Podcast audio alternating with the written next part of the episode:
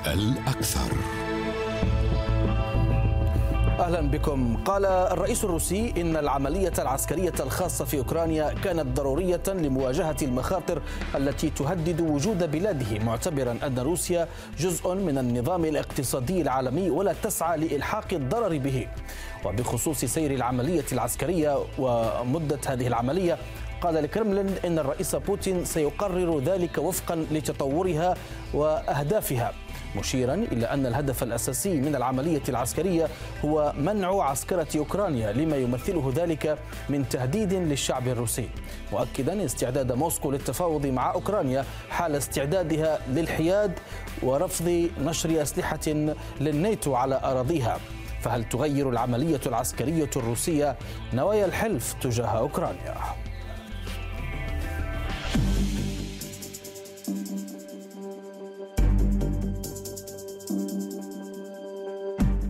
Обстоятельства требуют от нас решительных и незамедлительных действий.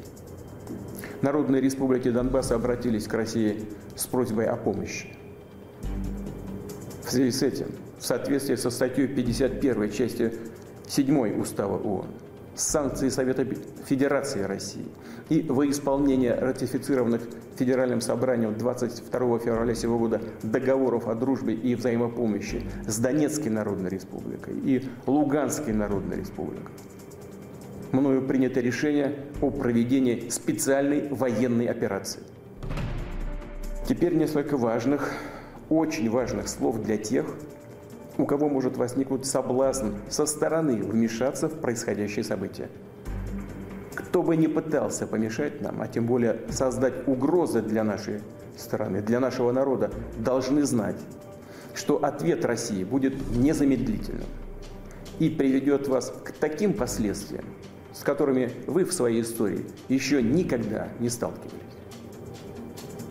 Мы готовы к любому развитию событий. Все необходимые в этой связи решения приняты. Надеюсь, что я буду услышан.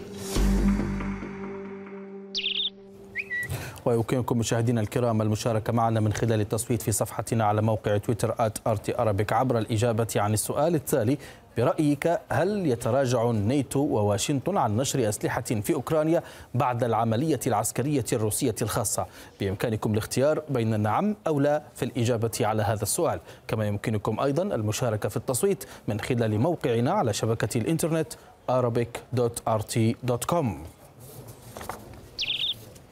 ورحب بضيفي الكريمين معنا من موسكو الكاتب والمحلل السياسي بسام البني ومن نيويورك الكاتب الصحفي والباحث في العلاقات الدولية ماك شرقاوي. مرحبا بكما ضيفي الكريمين. لو أبدأ معك أستاذ بسام البني لو نبدأ من السؤال المطروح على تويتر سؤال الحلقة.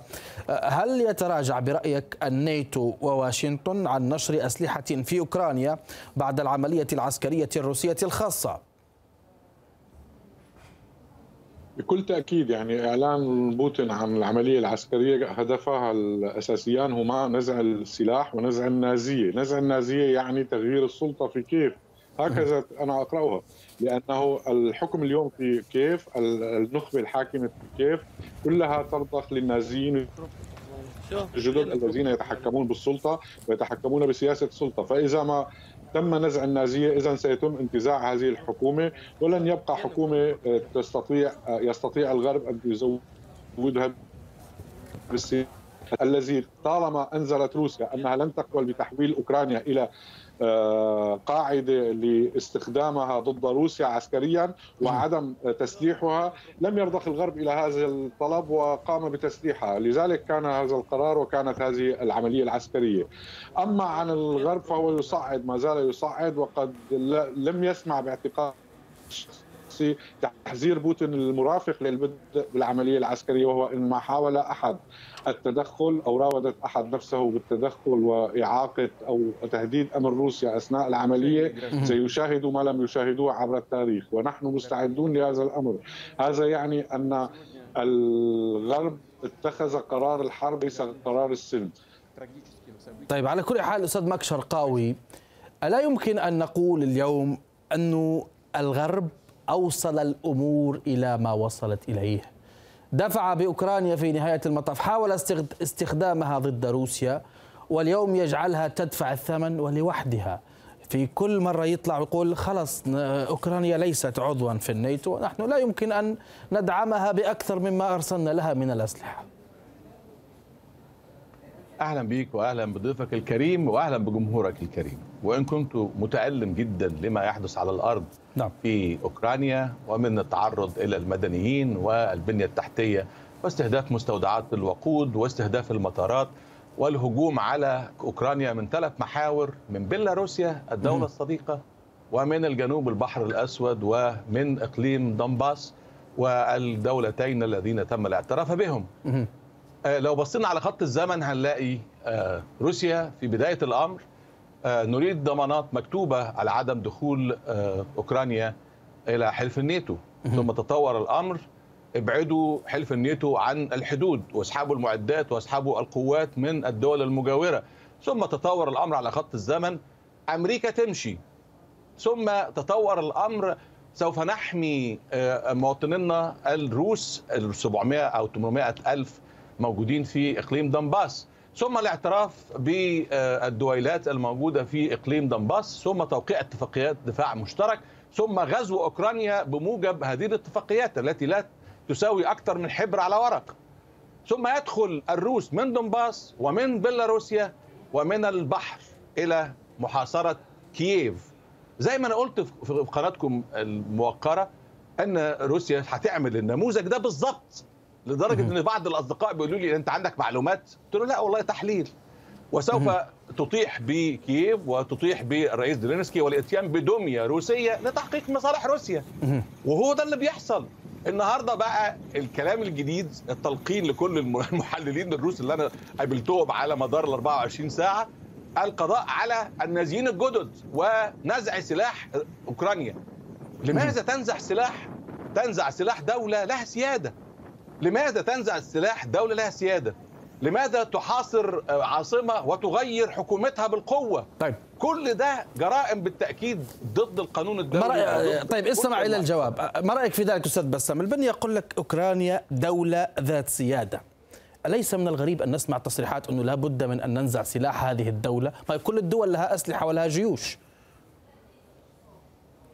يعني آخر من يتكلم عن السيادة الأوكرانية هم المحللون الذين يخرجون علينا من أمريكا.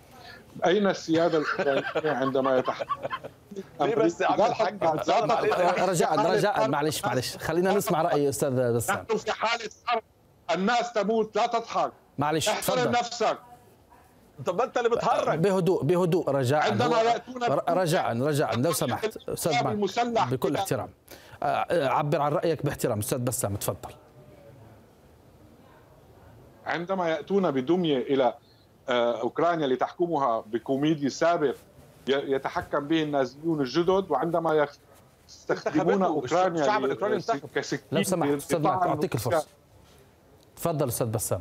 لطعن روسيا الاخره وعندما يجرون روسيا إلى الحرب جرا يعني روسيا لم تكن تريد الحرب وهي لا تريد الحرب إنما لا تمكن لا يمكن أن تتجاهل طلباتها الأمنية. قال أن روسيا قالت عند نريد هذا ونريد هذا وبعدين طورت الأمور. لا روسيا قدمت حزمة الضمانات الأمنية كاملة بما فيها عدم ضم أي دولة من دول الاتحاد السوفيتي السابق إلى الناتو. عدم استخدام أراضي هذه الدول لمهاجمة روسيا، سحب الصواريخ المتوسطة المدى التي تهدد روسيا في شرق ووسط أوروبا، ماذا كانت النتيجة؟ كانت النتيجة أنهم حولوا الحديث إلى غزو لأوكرانيا محتمل من روسيا وأصبحت دول صغيرة مثل حكايه آه، ما بدنا نذكرها هلأ بتقول سنحاسب روسيا، من هذه الدول اللي تقول سنحاسب روسيا؟ روسيا دولة عظمى شاء من شاء وأبى من أبى.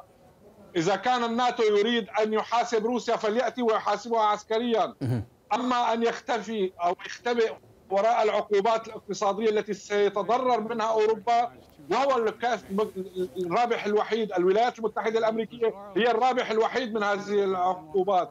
ستدفع ثمنها روسيا واوروبا طيب, طيب لو سمحت لو سمحت. ستجد أسواق بديلة الاوروبيين سيدفعون ثمن الطاقة بعشر أضعاف سوف نأتي على موضوع العقوبات. سوف سوف نأتي على موضوع العقوبات. مكشر قوي يقول لك هذه العملية العسكرية هي نتيجة طبيعية باختصار شديد نتيجة طبيعية لاستخفاف الغرب بالمطالب الروسية. روسيا قدمت مطالب وجاءت الإجابات لا تلقي بالا لهذه المطالب ولا تحترم الرؤية الروسية. يقول لك أنه المساعي الغربية لعسكرة أوكرانيا ونشر أسلحة في أوكرانيا تهدد روسيا هذا خطر على الجميع. دولة مثل أوكرانيا رفضت أن تكون دولة محايدة وهي مجاورة لروسيا. تحالفت مع من؟ تحالفت مع من هو في وراء الأطلسي وعادت من؟ عادت موسكو وبيلاروسيا وهذا جيرانها أشقائها. بل شركاء في الحرب ضد النازية في الحرب العالمية الثانية. كلام منطقي جدا. و... وأعتقد أن جزء كبير من الروس النهارده بيقولوا الكلام ده. وأشقائهم بيتعرضوا للقصف في أوكرانيا. ويعني من من من لقى حتفه من الأوكرانيين المدنيين من آلة الحرب الروسية التي لا أحد بالتأكيد يعني يستطيع أن يقول أنها آلة ضعيفة بالعكس آلة قوية قوية جدا. ولكن أعتقد أن الداخل الروسي النهارده له كلمة وبدأت المسيرات وبدأت التظاهرات ضد الحرب. من يريد الحرب؟ أعتقد أن الحرب هي الخيار الأخير. هي خيار دبلوماسي ولكن آخر الخيارات الدبلوماسية الدبلوماسية الخشنة.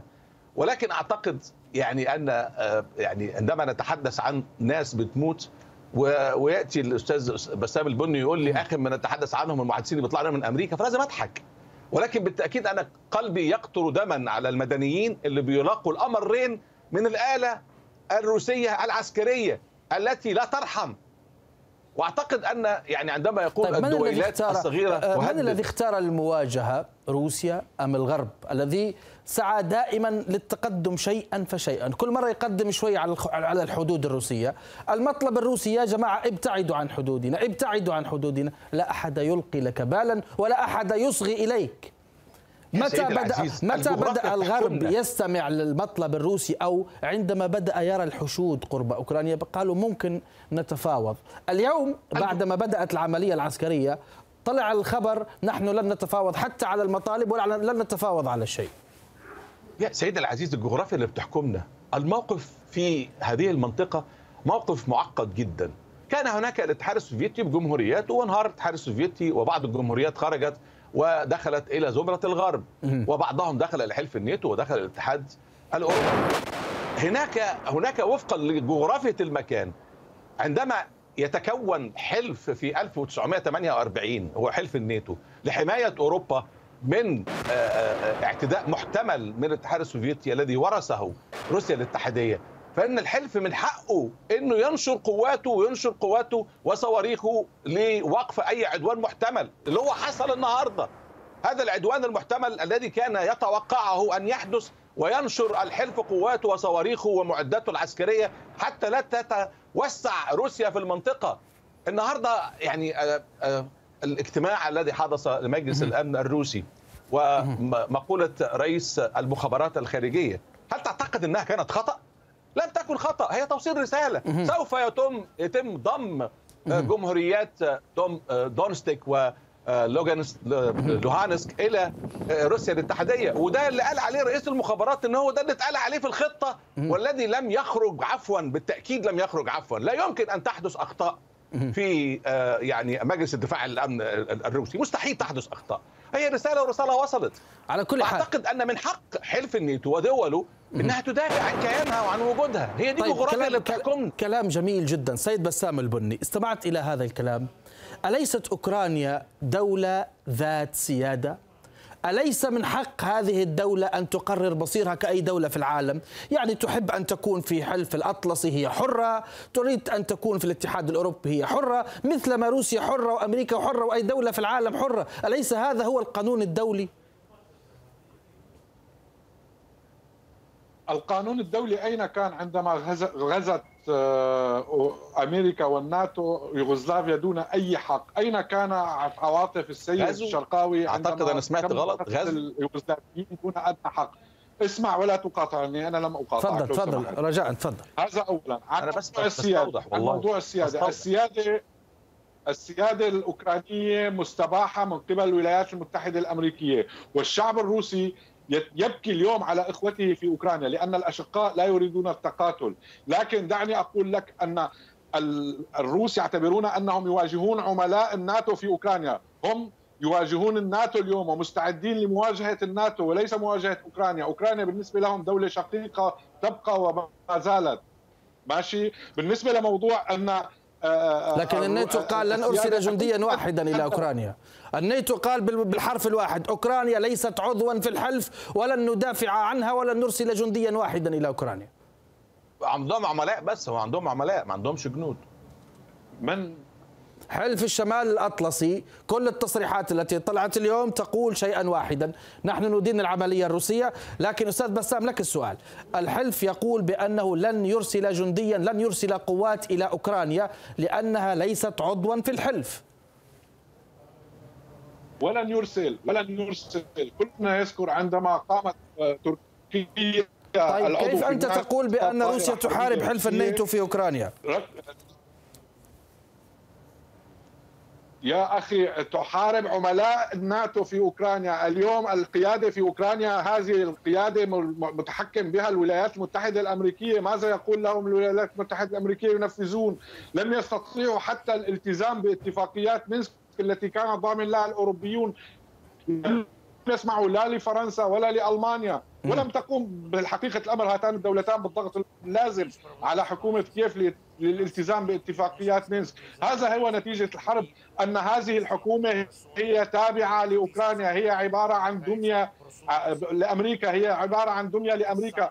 هذا الموضوع مرفوض نهائيا. لا يمكن التساهل مع هذا الأمر. بعدين ناهيك عن أن آه، هم دمية. يخرج علينا هذا الكوميدي السابق ليقول نريد استعادة القنبلة النووية. هل تريد لروسيا من فضلك ده رئيس دولة محترم أرجوك. من فضلك ده رئيس دولة محترم. على حدودها. ده رئيس دولة محترم. أرجوك يعني تحترم رؤساء الدول إحنا بنتكلم الرئيس بوتين وبنتكلم الرئيس بايدن معلش. معلش. سيد, سيد بسام لو سمحت لو سمحت. هو على كل حال هو هو ممثل سابق لكن انتخب وهو الآن رئيس دولة. شئنا أم أبينا نحن نتعامل معه كرئيس لأوكرانيا يا سيدي. أي رئيس دوله يؤمر ارجو بس احترام الألقاب يعني. ارجو احترام الألقاب. رئيس هذه الدولة ذهب إلى الميشا المي 6 المخابرات البريطانية. هو ذهب بنفسه لهناك وسمع التعليمات وعاد إلى إلى أوكرانيا. عن طيب. الصوت متقطع أستاذ بسام. إذا كان الغرب يريد السلام عليه إلى أستاذ بسام لو سمحت أعود لك أعود لك ريثما نتمكن من من إصلاح الصوت. هناك خلل في الاتصال نحن لا نسمعك بشكل واضح وأتمنى أن يتم إصلاح الصوت حتى أستطيع أن أفهم منك ما تريد أن تقول. أستاذ ماك شرقاوي استمعت إلى كل هذا الكلام. يعني الروس يقولون شيئا واحدا وكثيرون يقولون هذا الكلام. ليس فقط روسيا الغرب أراد أن يستخدم أوكرانيا وصفت بأنها دمية في يد الغرب يريد أن يستعملها ضد موسكو وضعها في فم الأسد والآن يتركها أمام الأسد وينسحب. هي ليست عضوا في الناتو. كيف هي آه، دمية وتدور في فلك الحلف؟ وهي من 2008 تريد أن تنضم إلى حلف الناتو ولم يتم الموافقة. وأنا قلت لك من الصعوبة دخول أوكرانيا أو جورجيا أو آه، آه، مولد مولدوفا إلى حلف الناتو. ليه؟ الثلاثه عندهم مشاكل في أراضيهم. لا يسيطروا على كامل التراب الوطني. والديمقراطية يمكن في أوكرانيا هناك ديمقراطية لكن جورجيا هناك علامات استفهام. فهناك صعوبة لانضمامهم أصلا. يعني انضمامهم للحلف هناك صعوبة. وحتى المستشار الألماني شولز قال إن هم مش موجود على جدول الأعمال اللي موجود النهارده في دور الانعقاد بتاع حلف الناتو آه، ضم أوكرانيا. روسيا تريد أن تأخذ ضمانات ألا تفكر في الانضمام مستقبلا. وده مطلب شعبي أوكراني. وأعتقد أن أوكرانيا تريد أن تنضم للاتحاد الأوروبي تريد أن تنضم إلى حلف الناتو. تخيل لو كانت اليوم أوكرانيا في حلف الناتو هل كانت روسيا سوف تفعل ما تفعله اليوم في مدنيين العزل الموجودين في أوكرانيا؟ هل لكن, لكن, لكن المشكل أنها مرفوضة. المشكل يا سيد ماك يا سيد ماك يعني بنظرة بسيطة بمتابعة بسيطة للأخبار ستجد بأن الطرف الغربي يرفض الأوكران. رفضوهم في الاتحاد الأوروبي لم يقبلوا بهم. رفضوهم في حلف الأطلسي لم يقبلوا بهم. الآن منذ منذ 2014 منذ الانقلاب على يانوكوفيتش يعني آه، آه، انظر إلى الحالة الاقتصادية في أوكرانيا. ماذا جنت أوكرانيا من كل هذا من الغرب لو لو يأتي الأوكران ويتحدثون معنا في البرنامج ربما يقولون لك كنا قبل 2014 في حال اقتصادية أفضل بكثير أفضل. مما نحن فيه أفضل. الآن ونحن نعول على الاتحاد الأوروبي وعلى الدعم الأمريكي أعتقد كلامك مظبوط وأعتقد أن آه، حتى حتى الدعم بالسلاح حتى الدعم بالسلاح حتى قضية الدعم بالسلاح التي الآن هذا الأسبوع الأوكران قالوا شيء. قال نحن حصلنا على كميات أسلحة لم نكن نحلم بها من الغرب. ولماذا أعطوهم هذا السلاح؟ فقط لتستخدم ضد موسكو وإلا ما كانوا شافوا شيء. تفضل لا ما رأيك لا, لا تستخدم ضد آه. موسكو آه. تستخدم للدفاع عن أوكرانيا من موسكو. هناك فرق كبير جدا في الكلام. نعم. الأوكرانيين لم يتعدوا حدودهم. الأوكرانيين موجودين في أوكرانيا. من اقتحم أوكرانيا من ثلاثة محاور من بيلاروسيا ومن الجنوب من البحر الأسود ومن آه، آه، إقليم القرم واقليم عارف دنباس. عارف آه، اللافت شو قال؟ ماذا؟ ما قال اللافت ما قاله اليوم الرئيس البيلاروسي. قال أوكرانيا لم تبذل أدنى جهد لتلافي هذه المواجهة. أوكرانيا في مأزق بالتأكيد. هي تريد أن تدخل في زمرة الاتحاد الأوروبي وتريد أن تحسن من اقتصادياتها وتريد الحماية من حلف الناتو من خطر متوقع يحدث الآن. ولكن لم تكن تستطيع أن تدخل لأنها لم تتوافق أوضاعها مع نظم الدخول في حلف الناتو. يعني حلف الناتو لا يسعى إلى ضم أوكرانيا هو مش محتاجها. هو عنده لاتوانيا وأستونيا موجودين. طيب هذا كلام جميل. هذه هذه نقطة مهمة جدا. طيب هذه نقطة مهمة جدا أستاذ بسام البني. يعني إذا نتحدث عن الفضاء السوفيتي السابق ما هي ليتوانيا ولاتفيا وهذه دول البلطيق وإستونيا أعضاء في حلف شمال الأطلسي يعني وقريبين من موسكو على الحدود على على الحدود الروسية وروسيا تعرف بذلك ولكن لا أحد يتحدث عن ذلك. ولكن لماذا يعني أوكرانيا مرفوضة بينما الآخرين يقبلون عادي في حلف الأطلسي؟ لا لا لا يتم الصمت عن وجود هذه الدول في حلف الناتو لكن لا أحد يطالب الناتو بطرد هذه الأعضاء من من من قوامه لكن الطلب كان رئيسيا واساسيا به بسحب القواعد الأمريكية للناتو الموجودة في آه، هذه الدول والرجوع إلى عام 1967 90 هذا يعني أن هذه الدول تكون عضوة في حلف الناتو لكن لا يكون بها أسلحة متقدمة ممكن أن تهدد الأمن الروسي. هذا كان في صلب الضمانات الأمنية التي طلبتها روسيا الملزمة. هذا الموضوع مفروغ منه. لا يمكن. والخطوة الأخرى اليوم إذا كان الناتو سيبقى متعنتا أنا برأيي ستكون الخطوة القادمة هي التصعيد حول هذه القواعد العسكرية الأمريكية. لنجد لن لن يشاهد عندها الناتو. هل سيقول هؤلاء ليسوا أعضاء أم سيدخل في حرب مع روسيا؟ يعني هل هذا يقودنا إلى سؤال آخر سيد بسام. هذا يقودنا إلى سؤال آخر. يعني هذا يقودنا إلى سؤال مهم آخر. يعني هل المرحلة المقبلة هي مرحلة مواجهة مباشرة بين روسيا والحلف؟ إذا بقي الحلف على هذه النهج العقلية الفوقية التي يخاطب بها روسيا بكل تأكيد فوقية. سيكون هناك تصعيد لا أعلم كيف سيكون هذا التصعيد هل سيكون صدام مباشر عسكري أم سيكون بنشر مثلا قوات تهدد في دول مجاورة للولايات المتحدة الأمريكية تهدد الأمن الأمريكي ذاته؟ أم يعني على شكل أزمة الكاريبي مثلا أم سيكون هناك رد آخر؟ لا أحد يعلم. ولكن روسيا لن تتراجع عن هذه الطلبات لأن روسيا اليوم مستهدفة. زمن وصول الصاروخ يا أخي من من دقائق. إذا وصلوا ناتو لتصنيع الصواريخ الفرد صوتية التي وصلت إليها اليوم روسيا. سينزل مدة وصول الصاروخ خمس دقائق. هذا ما قالته روسيا. قالت لا نريد حربا نحن نريد سلما. ولكن الأمريكان وراء وراء إدخال الحرب إلى أوروبا من أجل استغلال أوروبا ماليا. اليوم الأزمة الاقتصادية في أمريكا هي التي تدفع الأمريكان من أجل هذا الصدام من أجل الستار الحديدي بين أوروبا وروسيا واستغلال أوروبا كليا. اليوم السيادة الأوروبية مسلوبة. هذا هو الهدف يعني واضحة للعيان ولكن يقولون لك روسيا معتدية، روسيا مجرمة، روسيا ما بعرف إيش، هناك حملة لشيطنة روسيا يريدون إعلانها إمبراطورية للشر. هذا الموضوع باين يعني واضح للعيان. فكيف لروسيا أن تتراجع اليوم؟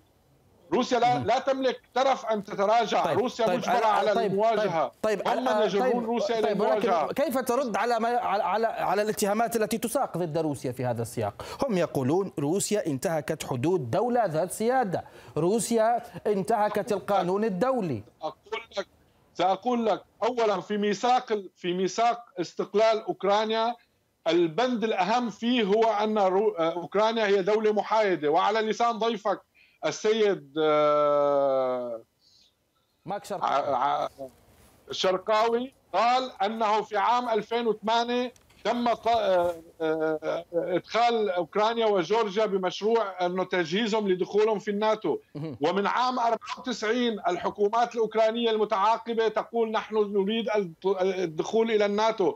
أين هو هذا الحياد لدى الحكومات الأوكرانية المتعاقبة. لقد جهزوا أوكرانيا على مدى ثلاثين عاما لتكون دولة معادية لروسيا لكي يتقاتل الأخوة الثلاثيون هنا بين بعضهم البعض وتضحك أمريكا وتجني الأرباح من وراء بيع الغاز المسال إلى أوروبا. الأوروبيون اليوم اليوم الأوروبيون اسأل أي أوروبي ممتعض من هذه السياسة الأمريكية ولكن لا حول ولا قوة لا يستطيعون لأن الولايات المتحدة الأمريكية بقت على قواعدها وأسلحتها وجنودها بعد الحرب العالمية موجودة في أوروبا وتأخذ أوروبا رهينة محتلة.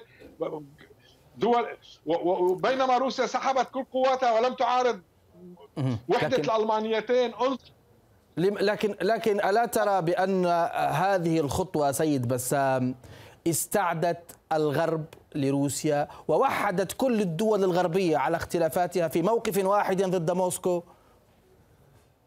قد يكون قد يكون ولكن ولكن عندما ستدفع الشعوب الأوروبية ثمن هذا الرهاب الروسي ستنظر إلى حكوماتها وتقول لكم وتقول لهم لماذا نحن ما لنا وما أوكرانيا ما لنا وما للناتو نريد أن نعيش. اليوم أوروبا تتعرض إلى أزمة اقتصادية خانقة وروسيا لن تكون سالكه ستمر مرور الكرام هذه الأزمة عليها. سيكون هناك أزمة أيضا في روسيا اقتصادية لكن روسيا تعتمد 25% فقط من إنتاجها المحلي على توريد الغاز والنفط إلى دول الأجنبية. وستجد أسواق بديلة. بينما أوروبا هي دولة مستهلكة للغاز والنفط. يعني اليوم سعر البرميل تعدى ما بعرف قديش النفط والغاز تعدى ال 1300 آه، يورو عن ال 1000 آه، متر مكعب. إلى آخره. هناك حرب اقتصادية بحتة ضد أوروبا وضد روسيا ولكن آه. الأوروبيين لا يملكون خيار ولا هذه هذه قرارهم. هذه نقطة مهمة سيد بسام. ابقى معي لو سمحت. الآن دعنا نسمع أستاذ ماك في هذه النقطة تحديدا. آه، آه، آه، زمان يقال السياسة أكل عيش. يعني السياسة وهذه القرفتات والألوان والصور والهلمة الكبيرة بالنهاية هي أكل عيش هي خبز بالنهاية.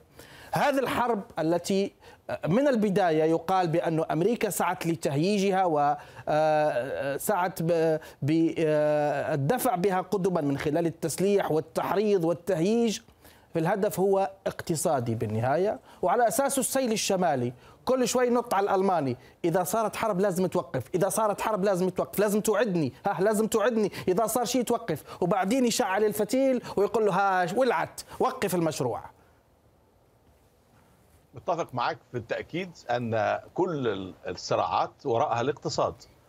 وأعتقد آه، يعني برضو بس أرد على بسام بيه قال كلمة قال إن أوكرانيا آه، يعني دمية في إيد الغرب. طب هي دمية ما كانوا حطوها في الاتحاد الأوروبي وحطوها في حلف الناتو. ده, ده دليل إن هم مش دمية وإن الرئيس زيلينسكي آه، رئيس وطني منتخب ويفعل لمصالح الأوكرانيين. دي حاجة. الحاجة الثانية أعتقد إن النهارده لو تبص بقى من ترجع بظهرك لورا كده وتبص على الموقف كله هتلاقي المستفيد الأوحد من اللي بيحصل ده كله أمريكا. توحد إيه؟ الأوروبيين خلف أمريكا. نعم. دخول أحلاف عسكرية جديدة.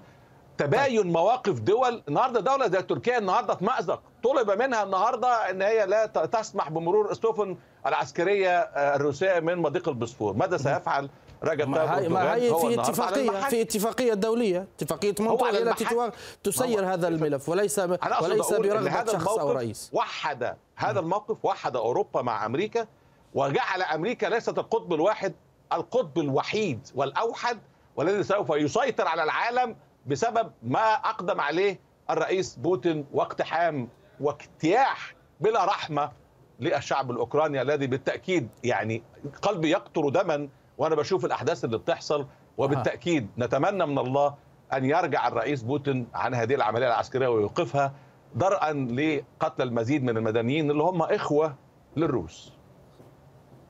على كل كيف يمكن يعني وصف التصريحات الأمريكية بوقف أي حوار مع الجانب الروسي خاصة بما يخص موضوع الضمانات الأمنية. سيد ماك شرقاوي هل تعتقد أن الحوار الروسي الغربي ما زال ممكنا وباب الحوار ما زال مفتوحا من أجل التفاهم على الملفات التي يمكن بالنهاية أن تضمن الأمن والاستقرار الدولي وخاصة في المنطقة الأوروبية؟ بالتأكيد وهو ده اللي بيحصل دلوقتي وده أعتقد إن هو سبب تأجيل كلمة الرئيس بوتين مجتمع مع مجلس الأمن القومي الأمريكي لرؤية ماذا سوف تفعل الولايات المتحدة الأمريكية. أعتقد سوف يتم فرض حزمه من العقوبات ولكن ليست الأقصى. حتى يكون هناك يعني رجعة للرئيس حتى لا تحرق كل الأوراق. حتى حتى يطلع الرئيس المرة الجاية ويقول لسه في عقوبات وأنا سأفرض المزيد. إذا فرضها كلها اليوم بماذا سيهدد مرحليه بالتأكيد. هي مرحلية بالتأكيد. ولكن ثوره المفاوضات مفتوحة بالتأكيد ونتمنى أن تتوقف العمليات العسكرية فورا حقنا لدماء الأبرياء من المدنيين الأوكرانيين. ارحموا أوكرانيا. سيد بسام البني على ماذا تعول روسيا بدخولها في هذه المغامرة خاصة وأنها جاءت مباشرة بعد زيارة الرئيس الصيني الرئيس الروسي للصين؟ كما يصفها البعض بهذا الوصف. يعني اولا أريد أن أعقب على ما تفضل به السيد شرقاوي. أوروبا وأمريكا ليست كل العالم. نعم. والعالم كبير جدا ولن تستطيع أمريكا أن تكون القطب الوحيد ولا الأوحد بعد اليوم. هناك عالم متعدد الأقطاب. شاءت أمريكا أم رفضت هذا الشيء؟ وهناك معسكر شرقي ومعسكر غربي. شاءت أمريكا أم رفضت هذا الشيء؟ هذه نقطة. أما حول سؤالك عما تعول روسيا يعني روسيا تريد يعني وضعوها بين خيارين العار أو الحرب. كما قال وينستون تشرشل تشرشل إذا اخترت العار دون الحرب ستحصل على العار والحرب معا. لذلك لكان مفروض عليها أن تخوض هذه الحرب من أجل أن ترسل رسالة للغرب بأنها جادة في طلباتها الأمنية ولن تتراجع وحول أنها لن تسمح بتحويل أوكرانيا إلى ساحة حرب يستخدمها الناتو ضد روسيا. لم يستقبلوها في الاتحاد الأوروبي ولا في الناتو لأنهم كانوا يريدون لها المحرقة كانوا يريدون أن تصبح أوكرانيا سكران يعني ضحية يتاجرون بها من أجل سيطره روسيا. نقطة انتهى. هذا واضح للعيان يعني. هم دفعوا بأوكرانيا إلى المسلخ إلى المذبحة من أجل أن يكونوا صادقين في كلامهم. استفزوا روسيا حتى أضطروها من أجل التدخل عسكريا. روسيا قالت منذ سنة من الآن قال الرئيس بوتين لا تقتحموا منطقة الدنباس عسكريا لا تحاولوا حل المشكلة عسكريا. هناك اتفاقيات من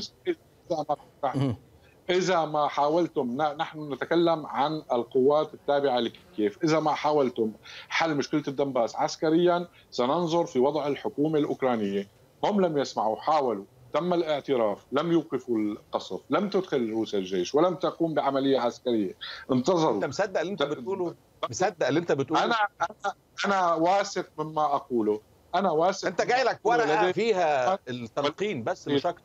لو سمحت. طيب. يا سيد شوقي نحن هنا في نحن هنا في منطقه في منطقة أوروبا. نحن نعلم عن ماذا نتحدث. أنت تعيش على بعد عشرات الكيلو عشرات آلاف الكيلومترات في خلف المحيط.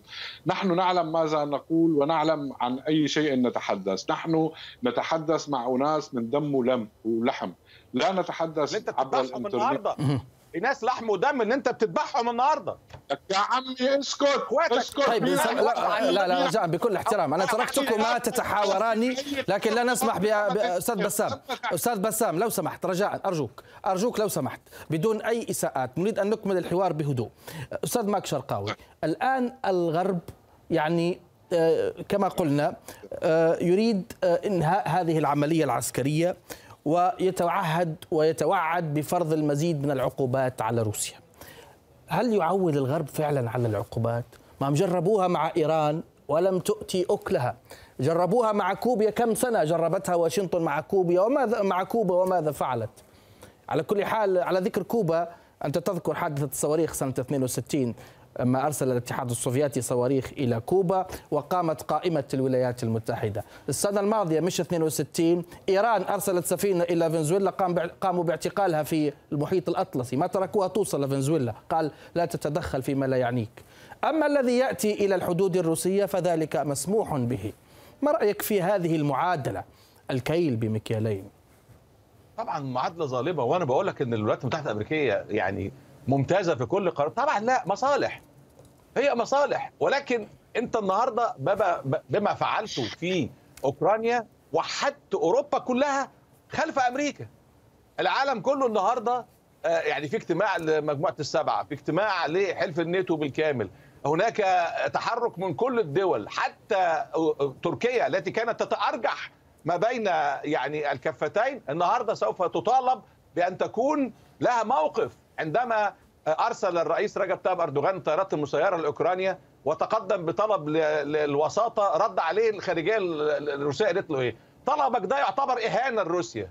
النهارده بدأت تتبين المواقف وكل الذين كانوا يتراقصوا على الجانبين الجانبين ويمسكوا العصاية من النص النهارده سوف يتضح من مع ومن ضد. اللي بيعمله النهارده الرئيس بوتين إدى الولايات المتحدة الأمريكية ما لم تستطع الحصول عليه خلال العقد الماضي 10 ماذا سنين ماذا أعطاها؟ النهارده في مصلحة أمريكا صدقني اللي ما يحدث النهارده في مصلحة الولايات المتحدة الأمريكية من أي ناحية؟ من أي ناحية؟ لم افهم لم أفهم ذلك، أشرح لي أكثر. الولايات المتحدة الأمريكية هناك خلافات بالتأكيد مع الأشقاء في في أوروبا وحتى ماكرون صرح أنه سوف يكون هناك جيش أوروبي لحماية مصالح أوروبا من أعدائها بما فيهم الولايات المتحدة الامريكيه. تخيل هذا التصريح اللي اتقال من ثلاث سنوات هذا قيل أيام ترامب لما كان ترامب يبتزهم يقول لهم ادفعوا. أنا بقول لك النهارده الجميع خلف الولايات المتحدة الامريكيه. ما فعله الرئيس بوتين بالحرب على أوكرانيا وحد القارة الأوروبية بأكملها حتى ألمانيا التي كانت توازن ما بين المصالح الاقتصادية والمصالح السياسية. خرج الرئيس المستشار الألماني شولتز وقال لابد من الرد بحسم على ما فعلته روسيا وأوقف وعلق خط خط نورد ستريم 2 اللي هو يعني روح أوروبا في الغاز ولكن عندما تكون الأمور أفرض عليك بالقوة وبقوة العسكرية طيب الكبيرة طيب طيب لما لما لما شولتز طيب أنت لماذا برأيك لما شولتز حازم جدا وقوي جدا لهذه الدرجة لماذا أوقف الخط الفارغ وترك الخط المليان؟ لا هو يعني لابد أن نوقف الزياده في الاستثمارات. الخط المليان فيه اتفاقيات ما بين روسيا وما بين ألمانيا. والرئيس بوتين قال إن هو هيلتزم بالعقود. لكن هل لو تم تطبيق عقوبات وده اللي بيعول عليه الرئيس بوتين إن تطبيق العقوبات من أوروبا على روسيا هيعود على أوروبا أيضا يعني بالسلب. فهو بيعول على هذا الأمر. ولكن أعتقد عندما تكون الأمور بفرض يعني الأوضاع بالقوة العسكرية الغاشمة ما يحدث في أوكرانيا مؤلم. وهذا بالتأكيد سيناريو مما يحدث في دول أخرى. انت فكرك ان ده هيخلص على اوكرانيا وخلاص؟ لا. هذا كلام جميل أستاذ بسام البني. قال لك قال لك إذا سكت الغرب على غزو أوكرانيا أو ما يحدث من عملية عسكرية كما يسميها الروس الآن في أوكرانيا يعني الدور جاي على البقية. هذا الكلام يردده طبعا. الأوكرانيون أنفسهم. يعني دول كثيرة الآن باتت تخشى على وجودها. ما رأيك في ذلك؟ يعني اولا هو, هو ده اللي هيحصل. سيد بسام لك الجواب. يعني اولا روسيا لم تكن يوما معتدية هي تريد الحفاظ على أمنها. هي طالبت وسمعت وتحملت وعلى مدى ثمان سنوات تحملت بس ما تحكيش الله يرضى عليك. 2008 واجتياح جورجيا. ده كان إيه؟ كان فيديو جيم؟ ولا كان إيه؟ مش فاهم. جورجيا في 2008 كان إيه؟ اسمع اسمع إذا ما بتعرف التاريخ طيب أنا حذكرك فيه. معلش معلش آه بدون مقاطعة. أستاذ ماك لو سمحت بدون مقاطعة لنسمع الضيف. سيد بسام نحن نسمعك تفضل. في عام 2008 جورجيا عندما اعتدت على قوات حفظ السلام الروسية قتلت كل من كان هناك وقصفت سينيخفال العاصمة الاوسيتيه وقتلت المدنيين. لذلك اضطرت روسيا للدخول في حرب لإجبار جورجيا على السلام. هل احتلت روسيا جورجيا؟ انسحبت بعد بعد أن ألزمتها بالسلام. منذ ذلك العصر والأمور هادئة. لا يوجد أي مقاومة عسكريه اليوم العملية الروسية هي لإجبار أوكرانيا على السلام وليس من أجل الحرب. الحرب من أجل السلام وليس السلام وليس الحرب من أجل الحرب. هل هل تعتقد أن روسيا يعني كثير فرحانة انه تدخل بحرب مع اشقائها الأوكرانيين؟ لا تريد روسيا الحرب ولكن مجبرة على هذه الحرب لأن الأمريكان لم يتركوا لها مجالا. الأمريكان أصبحوا على أبواب روسيا. من الذي هدد بالاقتحام؟ روسيا ولا الولايات المتحدة الأمريكية. من وضع المسدس على طاولة المفاوضات إحنا يا أستاذ ماك يا أستاذ ماك إحنا عرب إحنا بالنهاية عرب. لما اثنين بالعيلة اثنين إخوة بالعيلة بتخاصموا يقولوا الشيطان دخل بيناتهم. يقعدوا مع نعم. يحللهم. ما رأيك في ذلك؟ سيد لا الشيطان قصدك أمريكا؟ والله مش عارف هذا ما قلتش الشيطان هذا فيها الايرانيين يطلقون عليها الشيطان الأكبر مش أنا. أنا متفق معك وأمريكا ملاك. الشيطان الأكبر وهي نمر من وراء ونمر من وراء بايدن تحول إلى قديس يصلي على الضحايا. اين أين الناتو وقوته؟ لماذا لا يدافعون عن أوكرانيا؟ يصرحون نحن لا ندافع عن أوكرانيا. خذوها اقتلوها. ولكن سننزل عليكم لا لا لا التصريحات مش كده خالص. لا التصريحات سندعم أوكرانيا. ما حدش قال بقى الدعم مادي ولا معدات ولا ممكن يكون دعم على الأرض. طيب. ما حدش قال. يعني اقرأ التصريحات في تويتر لو ما عندكش ابعت لك الرد. طيب ما الهدف؟ يعني كيف يمكن قراءة تصريحات كييف عن نيتها امتلاك سلاح نووي؟ هذه التصريحات كانت الضربة القاسمة بالنسبة للعلاقات مع كييف. كيف تقرأ ذلك سيد ماك شرقاوي يا سيد العزيز السفير الأوكراني في لندن النهاردة قال أخطأنا عندما فككنا السلاح النووي في 1990 واديناه لروسيا. لو كانت أوكرانيا نووية لما كان أقدم الرئيس بوتين على ما فعله. فلا أعتقد إن أوكرانيا تسعى للسلاح النووي ولكن بالتأكيد التصريح اللي قاله زيلينسكي في هذا الأمر آه يعني يمكن ل آه يعني آه كارت للمفاوضات ممكن ولكن لا أعتقد أن العالم سوف يسمح بدخول دول نووية أخرى إلى العالم. فأعتقد أن موضوع السلاح النووي كانت تملك أوكرانيا السلاح النووي كانت تملكه وتم تفكيكه وإعطائه للاتحاد السوفيتي ف لروسيا الاتحادية. فأعتقد أن ما حدث بالتأكيد كان خطأ. لو كانت أوكرانيا نووية لما كانت أقدم الرئيس بوتين وروسيا على اقتحام أوكرانيا وسحقها كما يسحق يعني الذباب ما يحدث في أوكرانيا النهارده ده سب في تاريخ العالم. النهارده لكن بدأت لكن لكن لكن, لكن ألم تسمع للتصريحات الروسية؟ لم لم تسمع للتصريحات يا سيد ماك شرقاوي أنت تعرف العلاقة بين الروس والأوكران. أنا وصفتها بالأخوة وهم فعلا إخوة وأشقاء سواء من العرق سواء من الدين سواء من التاريخ سواء من الكفاح والنضال المشترك سنوات طويلة ضد النازية. يعني ما يجمعهم أكثر مما يفرقهم يعني بشكل كبير جدا. أعتذر منكما لنستمع إلى كلمة للرئيس الأمريكي.